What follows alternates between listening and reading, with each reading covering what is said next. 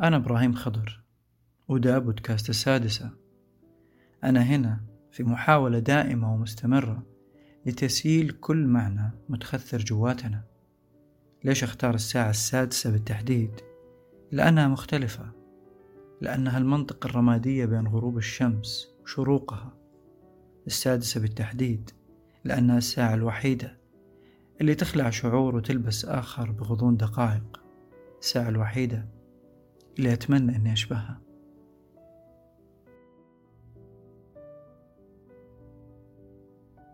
قد صحيت من النوم مرة وحسيت أنك فقدت مع الوقت الكثير من لياقتك.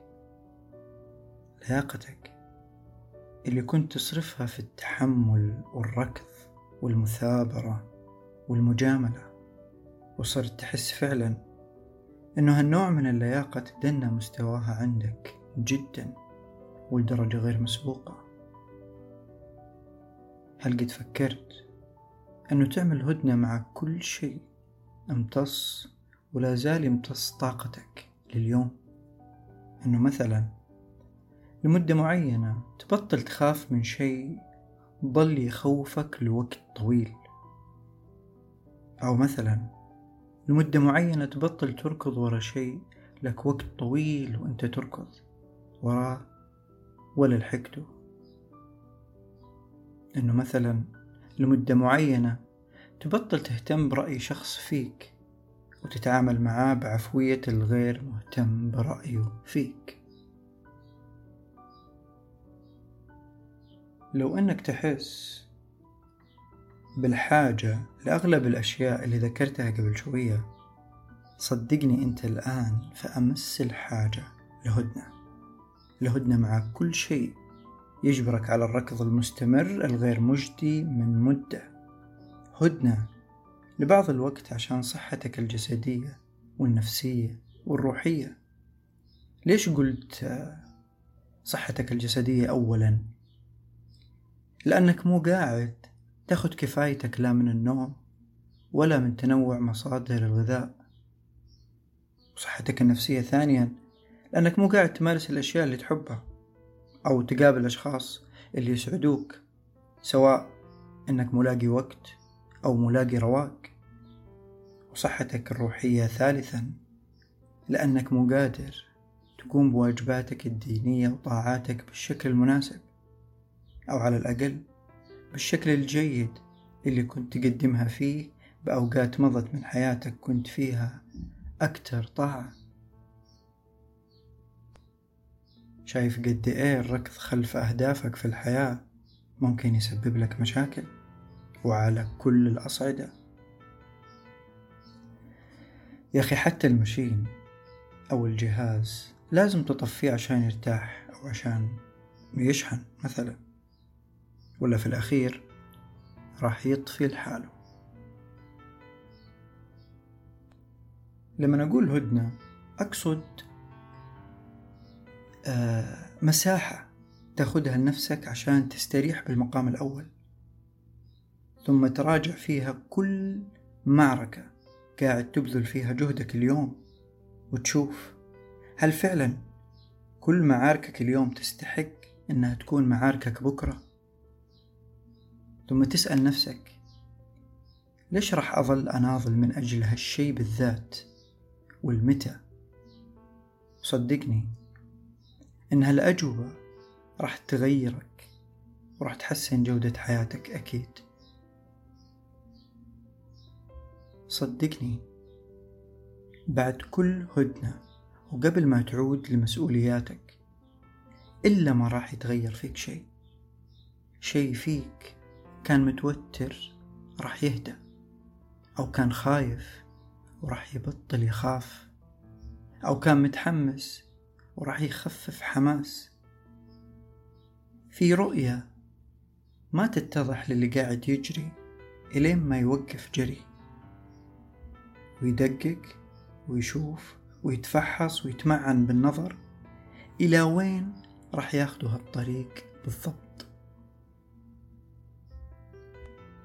منذ الأزل وبعد كل هدنة لابد يجي تغيير. طبعا دي قاعدة. كثير معارك أو نزاعات بين جيوش أو جماعات بعد وقت الهدنة انتهت بينهم النزاعات. لما توصل كل طرف لحلول أقل خسارة. ومو بالضرورة تحل الهدنة كل مشاكلك. انتبه هذه نقطة مهمة. لكن الأكيد إنها راح تخفف الضرر. راح تفتح لك آفاق جديدة للتفكير بالأهم قبل المهم. حرب هدنة سلام. حرب هدنة سلام. بهذا الترتيب ما في كلمة فيهم حتجي قبل الثانية. دائما بعد الهدنة راح يحل سلام متزن سلام مدروس. سلام وضعت فيه كل شيء على طاولة مصالحك وقعدت تتنقى منها أفضل الأدوار لأفضل هدف يناسبك. الهدنة في الحروب تحتاج لقرار من طرفين لكن الهدنة في حياة ثائرة لشخص واحد ما تحتاج إلا القرار من طرف هالشخص فقط. كل ما عليه إنه يؤمن إن ما فيه من عقل وقلب وروح كلها تحتاج لاستراحة. ومو بالضرورة تكون هالاستراحة استراحة محارب زي ما بيقولون. لأنه قد يرجع المحارب من هالاستراحة القصيرة دبلوماسي يفوز بالمعارك من دون صراع. ويرجع هالشيء للفترة اللي استراح فيها أو خلينا نقول الفترة اللي عقد فيها هدنة مع كل شيء وأعاد خلط أوراقه. مو بالضرورة تكون محارب بكل مراحل حياتك عشان تفوز دائما. كن بمرحلة محارب وبمرحلة كن دبلوماسي وبمرحلة كن أصم وبمرحلة كون أبكم وبمرحلة كون مدرب كرة قدم مدرب يضع عشرات الخطط عشان يفوز بمباراة واحدة. أحيانا طبيعتك البشرية ذات الطاقات المحدودة تيأس منك. بالتحديد تيأس من كمية الهدر في الطاقة اللي قاعد تصرفها على أهداف سرابية وبشكل يومي لازلت تبدد فيها كل جهدك من تصحى لين تنام. هنا أحيانا جسدك يتدخل ويجبرك على هدنة. النوم هدنة المرض هدنة المسكنات هدنة. حالة الرغبة في التمرد على الروتين هدنة. حتى الدورة الشهرية عند النساء هدنة. والتتنيحة اليومية في السقف عند الرجال. هدنة. لأن في دي الهدنات يحق لك تقول مالي خلق. وتنطوي على نفسك وتخزن طاقة. هالهدنات أجبرك عليها جسدك. فافهمها. حاول تستغلها وتطوعها في صالحك. عشان لما ترجع للملاعب بعد هالهدنة ترجع لاعب جوكر يستطيع إنه يكسب بأي مكان تحطك فيه الحياة. البعض يعاند ويضغط على نفسه ويقول لك أنا لازم دي السنة أتخلص من كذا وكذا أو دي السنة مثلا أحقق كذا. وكذا صدقني هذا التمسك بالمساعي والأشخاص والأشياء اللي قاعدة ترهقك راح يهددك بالأخير. هذا التمسك مضر. ترى أنت مخلوق ضعيف وعمرك الافتراضي أقل من سبعين سنة. هذا كثير عليك. هذا اللي تضغط فيه على نفسك. والله كثير. هذا الشعور هذا الشعور بالتعب اللي تحس فيه دحين. بطل تتجاهله حاول تتعامل معاه ومع أي مشاعر تجيك أيا كانت.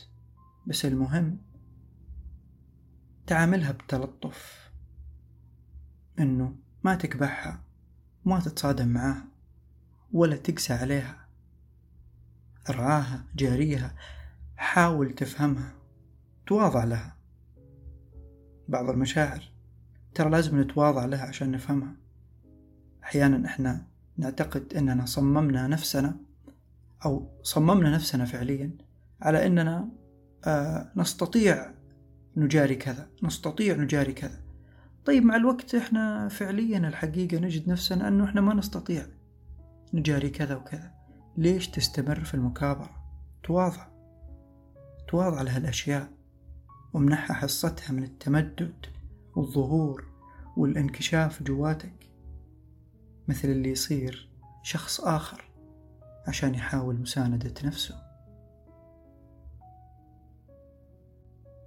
لما تبدأ تشوف الحياة من منظور إنها عابرة وتجردها من فكرة الديمومة صدقني راح تنظر لها بشكل مختلف. راح تاخذ الأمور بمنتهى البساطة وتتجاوز عن كثير أشياء كنت تشخصن التعامل معاها وراح تخلق العذر دائما وحتبطل توقف عند السفاسف وراح تبدأ تتعجب من تشبث وتمسك الناس بالأشياء وركضهم خلف السرابيات.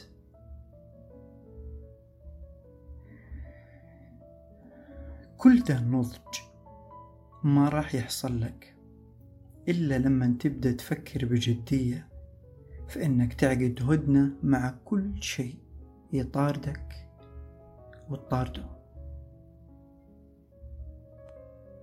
شوف عزيزي اللي اللي قاعد تسمعني دحين شئت أم أبيت؟ راح يتغير كل شيء. راح يولد فيك شيء كل ما مات فيك شيء. راح ترجع تقوى كل ما تتكسر. حتوقف كل ما حتطيح وحتضحك كل ما بكيت وراح تعطي كل ما تخذلت. بس السؤال هنا هل حتتعلم كل ما فشلت؟ ولا ولا كل مرة راح تطيح على وجهك بنفس الغلط مع نفس الشخص وفي نفس الحاجة آه، من المشاعر اللي أنت دائما تحس إنك محتاجها حتقعد طايح على وجهك عشان توصل أو تشعر بهذه المشاعر. تغير حبيبي تغير عشان كل شيء حولك يتغير. قال سبحانه بمعنى الآية حالك ما راح يتغير حتى تغير شيء أو أشياء جواتك. تعرفون كلكم أنه أي جهاز لازم تعمله تحديث من فترة لفترة. طيب وإحنا؟ وين تحديثاتنا؟ تعرفون وش تحديثات الإنسان؟ هو أنه يستسلم.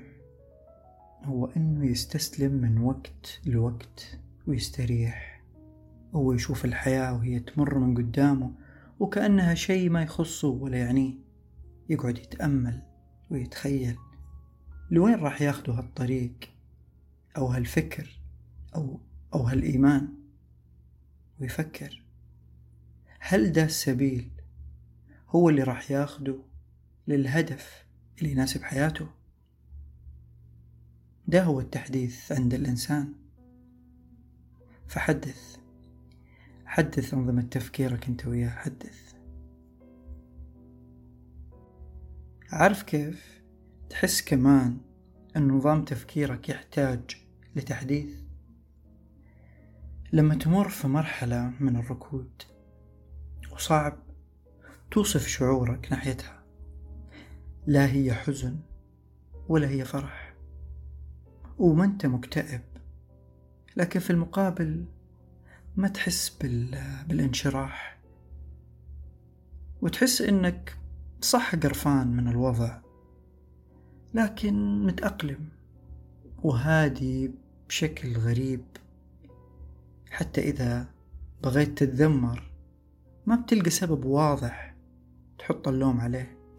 وسط كل ده ودك تعدي وانت ساكت.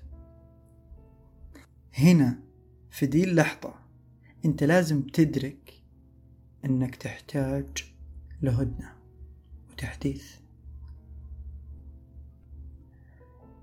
حقول لكم عن عن آخر تحديث عملته بحياتي عشان يعني عشان تصير تناسبني. أه أنا أحس نفسي مثل المعري وكافكا في الهروب من الارتباطات والعلاقات والتزامات الحياة. تدرون ليه؟ ما صار في وقت محدد أنزل فيه حلقات البودكاست؟ لأنه ببساطة أنا شخص من فطرتي التمرد على الروتين. وكل ما حاولت أجبر نفسي على الالتزام بتوقيت معين لكل شيء ألقى نفسي مع الوقت أبطل أسويه وتنسد نفسي منه. ف إن شاء الله بإذن الله يعني القرار اللي قررته اللي يناسب يعني يناسب وضعي الحالي إنه راح تكون في حلقة في الشهر أو حلقتين أو ثلاثة. تمام؟ يعني إلا ما أطل عليكم إن شاء الله كل شهر في حلقة حلقتين ثلاث حلقات. طبعا ده كان آخر تحديث آه، يناسب حياتي. لأنه ترى حياتنا آه، ماشية على الاعتياد. تمام؟ فإحنا أي شيء يحدث جديد في حياتنا نقوم نتعامل معاه بإيش؟ بطريقة الاعتياد. آه فأحيانا يكون ما تناسبه طريقة الاعتياد. فلازم إحنا هنا نتدخل ونذكر آه بأنه إحنا لا إحنا ما يناسبنا كذا إحنا يناسبنا كذا. في الأخير عشان يعني ننتج بالطريقة اللي تشبهنا لأنها أكيد هي الطريقة اللي تريحنا. أنا عني أنا أنا إبراهيم. موقفي من الروتين موقف جدي وحازم. ودائما مشخصنها مع الروتين. ومستعد أخسر أي شيء في سبيل أني ما أستسلم لسلاسل الروتين. وبسبب ده الشيء للأمانة خسرت أشياء وأشخاص وأماكن أماكن أماكن كثيرة. في المقابل كسبت أعظم شيء بالنسبة لي وهو رواقي. كيف أشرح لكم؟ كيف أشرح لكم ده الشيء؟ ببساطة كل شيء جميل تعرفوه عني ترى عملته وأنا رايق. وهالشيء بالذات آه تصادمت بكثير ناس ينتقدوني بسببه. بس في الآخر دي تبقى حياتي أنا؟ مسؤوليتي أنا؟ اللي من حقي أصرفها كيف ما أبغى وما أجامل فيها أبدا لأنه ببساطة أنا مو نازل انتخابات وأحتاج أني أكسب الناس أو أكسب حب الناس كلها. أنا فقط قاعد أحاول أكون أنا. زي ما أنا أحب إني أكون. وفي الآخر اللي حيحبك راح يحبك لأنك مختلف مو لأنك تشبه أحد. مع المداومة على على التحديثات اللي قاعد أعملها لعقلي وتفكيري من وقت لوقت حرفيا أحس إني صرت محاط بالحذر. صرت آخر أحد يقرب وأقل أحد يتكلم وأول أحد يهرب لو ما اطمنت لشخص أو مكان أو فكرة. وفي الآخر أنا أؤمن أنه كل تغيير اخترته لحياتي أو حدث لي فجأة. أنا أؤمن أنه حدث لمصلحتي وحدث عشان يبعدني عن الاصطدام بجدار ما أو الوقوع بحفرة ما. حتى لو بسبب هالتغيير فقدت شيء أحبه. كتب بافيزي هذا التساؤل العميق. أوليست الحياة أجمل لأنها يوما ما يمكن أن تفقد؟ فممتن للأقدار اللي غيرت مسار حياتي فجأة ووضعتني في موضع أجد فيه أفكاري معززة عبر شخص مثل بافيزي. وثانيا وثالثا وأبدا. أعتقد أن الحزن المتذيل نهايات أيامنا السعيدة يجي بسبب إدراكنا. إدراكنا لحقيقة أنه كل الأشياء محكوم عليها بفناء غير اختياري.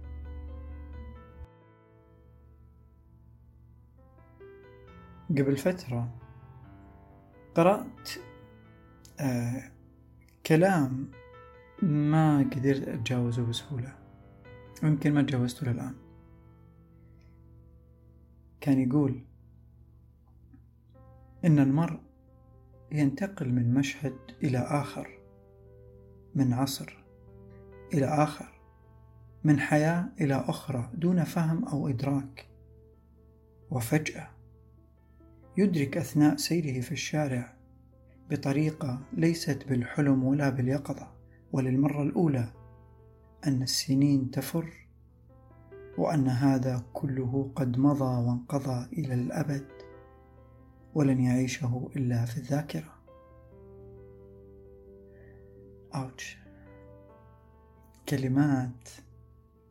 هالكلمات خلتني أفكر في أشياء قاعد أجاهد نفسي فيها اليوم. أجاهد أنه أنساها. أجاهد أنه أتأقلم مع مرارتها. يا قد إيه البني آدم قاعد يصرف أفضل أوقاته في سبيل أشياء في الآخر تطلع مو مكتوبة له؟ أنا ما أقول إنه الإنسان يبطل يسعى ويهتم ويتمسك بالأشياء اللي يحبها. لا أنا أقول تأكد قبل ما تطارد شيء تأكد إنه يليق فيك بالأول وتأكد إنه هو كمان يرغبك زي ما أنت ترغبه. غير كده حدث طريقة تفكيرك فورا وانجذب واستسلم فقط لكل شيء. يلائمك ويشبه تفكيرك. وظروفك. طبعا كل اللي قاعد أقوله دحين عن الظروف أو حالة الظرف عند الإنسان يعتمد على فهم الشخص نفسه وإدراكه في أنه فعلا ظروف حياته ما تناسب تفكيره. فعلا مو متصاحبين. كل واحد فيهم قاعد يعاند التاني. تفكيرك قاعد يعاند ظروف حياتك. لازم الإنسان نفسه يستوعب هالشي ويقتنع بحاجته للتغيير لأن الموضوع مو تغيير يعني يعني مو تغيير آه، لك عيسى الحقوني حبيت لا. الموضوع تغيير طريقة تفكير يعني احتمال تسعين بالمية من أهدافك حتتغير. فاهدى وخد خد بريك وفكر وبلاش يصربعة. أعرف واحد من أصحابي غبي. راح لشخص يعز عليه وقال له أنت لازم تغير تفكيرك.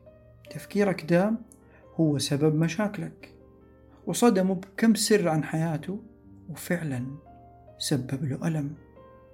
وبدل ما يساعد صاحبه بزعمه تسبب له بصدمة نفسية خلته يختفي. ترى أقوى صدمة هي الصدمة بالأذى. لأن بعدها وارد جدا أنك راح تتغير جذريا بكل شيء عاطفيا اجتماعيا وعلى صعيد العلاقات بشكل عام. واحتمال يكون تغييرك للأسوأ. يقول أحدهم عن الألم يا صديقي الغبي لقد تسببوا لي بأذية بالغة. حتى خرجت أتصدق فزع خشيت أن الله لا يحبني. أهلنا علمونا إنه نقفل الباب ورا الضيف بشويش عشان ما نضايقه ويحس إنه كان تقيل علينا. فما بالك بقلوب الناس؟ يا صديقي الغبي معليش أنا مركز عليك لأنك قهرتني. فما بالك بقلوب الناس؟ لازم نفكر ألف مرة قبل ما نقول كلمة أو نظهر تصرف لأحد سواء كنا نشوفه سليم أو لأ. في البداية لازم تنتبه لقد إيه هالإنسان ممكن يكون متحطم وجوعان لطف أكتر من جوع المعلومة أو نصيحة. للأسف لقيت ناس كتير ما تعرف تنتبه لهالنوع من الأشياء. اللي لابد أنه الإنسان ياخدها دائما في عين اعتباره تكون أبجدياته في الحديث وفي كل شيء. اللطف اللطف اللطف. طبعا كل سنة وأنتم طيبين من البودكاست. ما عيدتكم. آه وترى العيد كان هدنة. ويا بخت من استغلها لأنه كان هدنة وفرصة. تراجع فيها بعض علاقاتك سواء اللي مهملها أو اللي مهتم فيها وما تستاهل هالاهتمام. حتى برمضان كانت في أوقات هدنة مثل العشر الأواخر أوقات الشاي اللي بعد الفطور. أنا مثلا برمضان بعض الأيام أطلب الفطور لغرفتي لغرفتي يعني يجيبوا لي لغرفتي ما أبغى أفطر مع يعني ما أبغى أفطر على السفرة مع أحد. أو أبقى مع نفسي. أنا أعترف أو أنا أعتبر الرغبة هدنة يحتاجها تفكيري. وأبدا أنا ما أطرد أي نوع من هالأفكار والرغبات للانعزال اللي اللي تجيني من فترة لفترة. لأنه متأكد إنه أحتاجها. وأحب أقول لك أنت كمان حافظ على إنه يكون لك وقتك الخاص والهادئ في يومك وتعامل معاه كأساس وأولوية مو مجرد رفاهية. أبى أقول لكم أبى أقول لكم شيء. أبى, أبى أقول لكم عن حاجة والله العظيم فادتني مرة في السيطرة على يومي. طبعا إذا أنت سيطرت على يومك أقصد انفعالاتك في هذا اليوم والأشياء اللي قد تجعلك مفعول به. لو سيطرت عليها اليوم وبكرة وبعده يومين ثلاثة أربعة خمسة أسبوع شهر سنة خلاص تقريبا أنت استطعت أنك تسيطر على انفعالاتك في حياتك إلى تسعين ثمانين بالمية. وده شيء إيجابي مرة. فحاجة فعليا والله العظيم فادتني مرة على السيطرة على يومي وإني أخلي يومي يمشي تمام وبدون تغفيص وهبل. والله والله. أنا لما اعتمدت فكرة غض الطرف بديت حرفيا أعيش بسلام. أي حاجة تضايقني أغض الطرف عنها وأمشيها. تقريبا أخذت بنصيحة الشاعر سليمان المانع لما قال لا تفتشين جيوب ثوب التفاصيل تلقين شي يحزنك يا حلالي. ما الله خلقك تفتش عن اللي يحزنك غض الطرف وعيش يومك. دام الله ما أراد إنك تعرف شيء لا تتعب نفسك يا يا كونان وتحاول تعرفه. ثق تماما أن الله يعرف قدرتك على التحمل ويعرف مصلحتك بكل شيء. ولما يبغى سبحانه يكشف لك شيء متخبي راح يحطه قدام عينك. من دون ما تحتاج تتقصى أو تتجسس. سبحان الله في ناس يشوفوا أنه من الذكاء أنه تتجسس بحجة ضرورة أنه يعرف وش قاعد يصير حوله ثم يدفع ضريبة تجسسه أهم وانشغال بال وقلق ماله آخر. والله سبحانه وتعالى ريحنا وقال ولا تجسسوا. آه صديقي الحياة مو صعبة وكمان الحياة مو سهلة. بس لازم تعرف إن أكتر شيء يعقد الحياة هو إنك تاخدها بجدية طول الوقت. في الحياة تحتاج أحيانا إنك تكون جدي وأحيانا تكون تافه وأحيانا تكون تنكت وأحيانا تقول حكم. أحيانا تواجه وأحيانا تنسحب. الحياة مراحل وكل مرحلة ما تشبه الثانية. لذلك تحتاج أنه تغير أسلوبك معاها من فترة لفترة وما راح يتغير أسلوبك إلا لما تظل تحدث أفكارك وتراجع قناعاتك كل فترة وفترة. الحياة خلطة عجيبة. الحياة تحتاج مننا ننتبه لتفاصيلها عشان كذا بتقرصنا بالألم. من فترة لفترة. الحياة جدية مثل الألم وهزلية مثل المسرحية. الحياة متناقضة مثل وجه يبكي وفجأة يضحك. الحياة مزيج غريب عجيب مثل يد فيها حنة ومناكير بنفس الوقت. وخذها قاعدة. حياتك راح تظل مفتوحة بهالشكل إلين ما تنتهي. حياتك راح تظل مفتوحة بهالشكل. لكل ما سبق وذكرته لك راح تظل مفتوحة بهالشكل إلين ما تنتهي. وقبل ما تنتهي حياتك اللي عايشها اليوم لازم تتقبل إن أي شيء راح يحصل فيها سواء كان بقرار منك أو لا فهو فعليا لصالحك وفي مصلحتك. صدقني أجمل شيء بحياة الإنسان هو الجزء المجهول فيها. اللي من كتر جهلك بيه تلجأ لأنك تتوكل على الله. وعن الجزء المجهول بحياة الإنسان دائما أحب أني أقرأ اليوميات والشذرات والسير الذاتية. أقرأ عن الفترات غير المستقرة في حياة الإنسان وأحس بألفة تجاه السرد منزوع السياق والأفكار العشوائية المتقطعة. وأستمتع. وأنا أطلع على أحداث تبدأ وتنتهي بطريقة مختلفة عن تصوري لها وأتفاجأ باستمتاع. وأنا أراقب مزاجية الحياة في اختيارها للمنعطفات اللي تكركبنا بيها.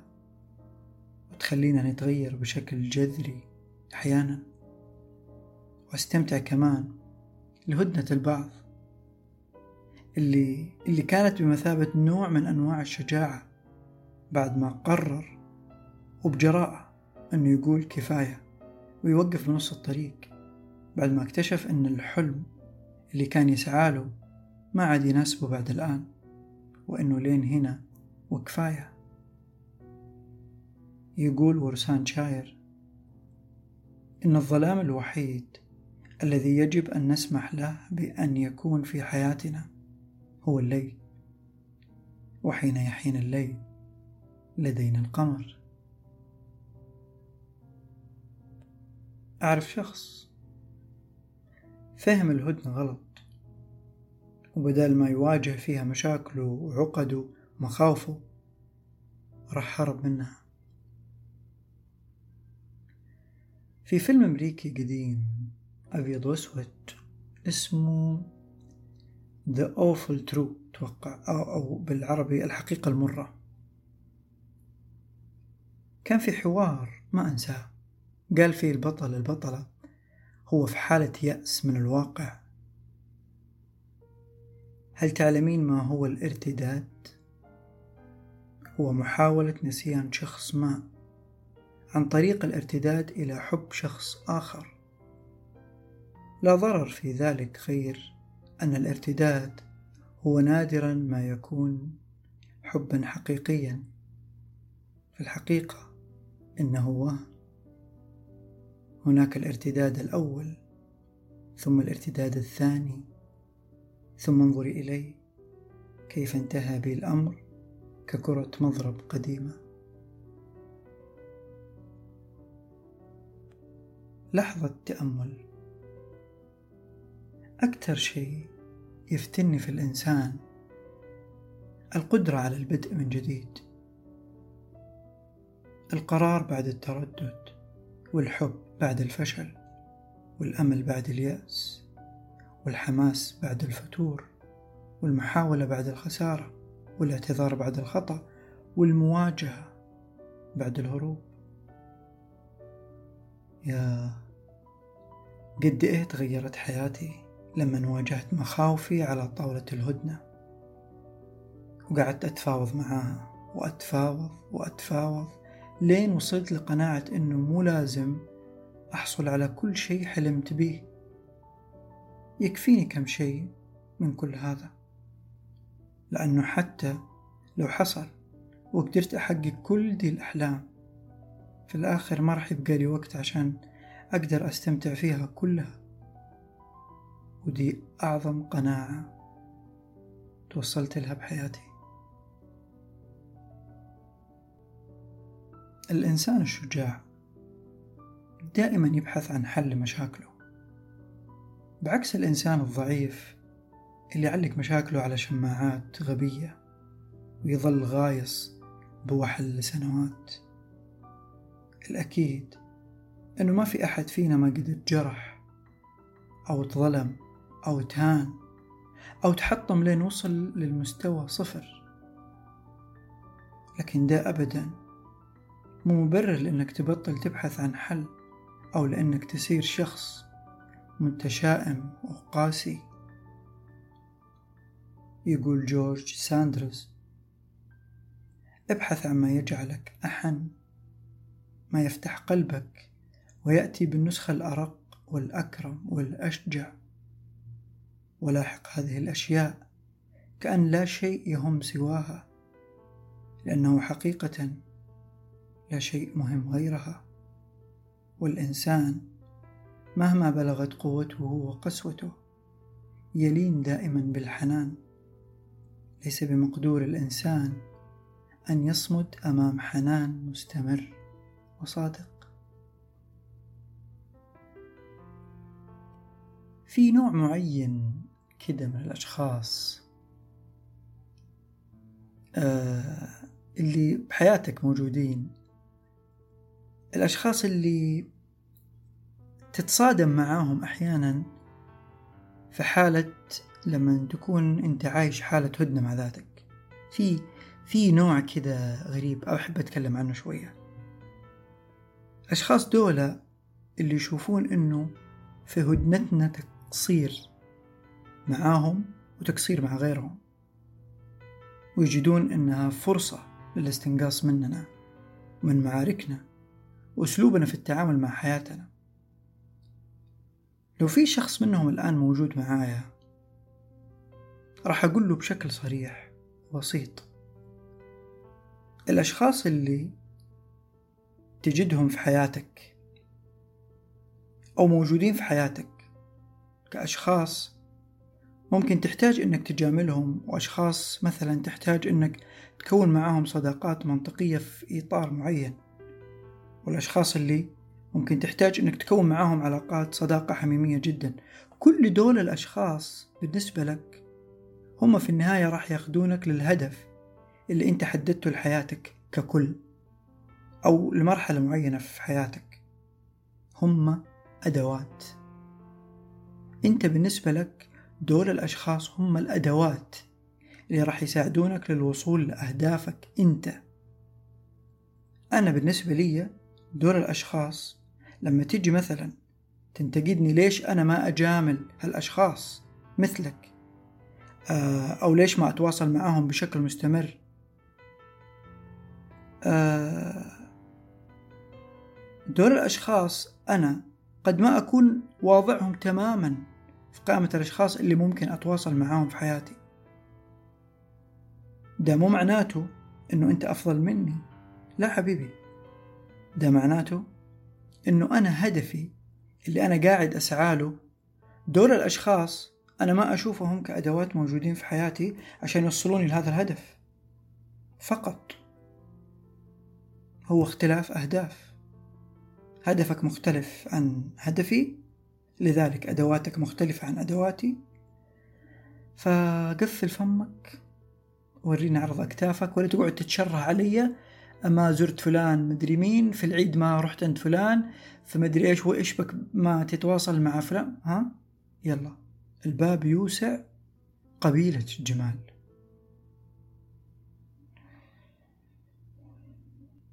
في في نقطة مهمة. البعض يستهتر فأهميتها وياخدها بسطحية للأسف.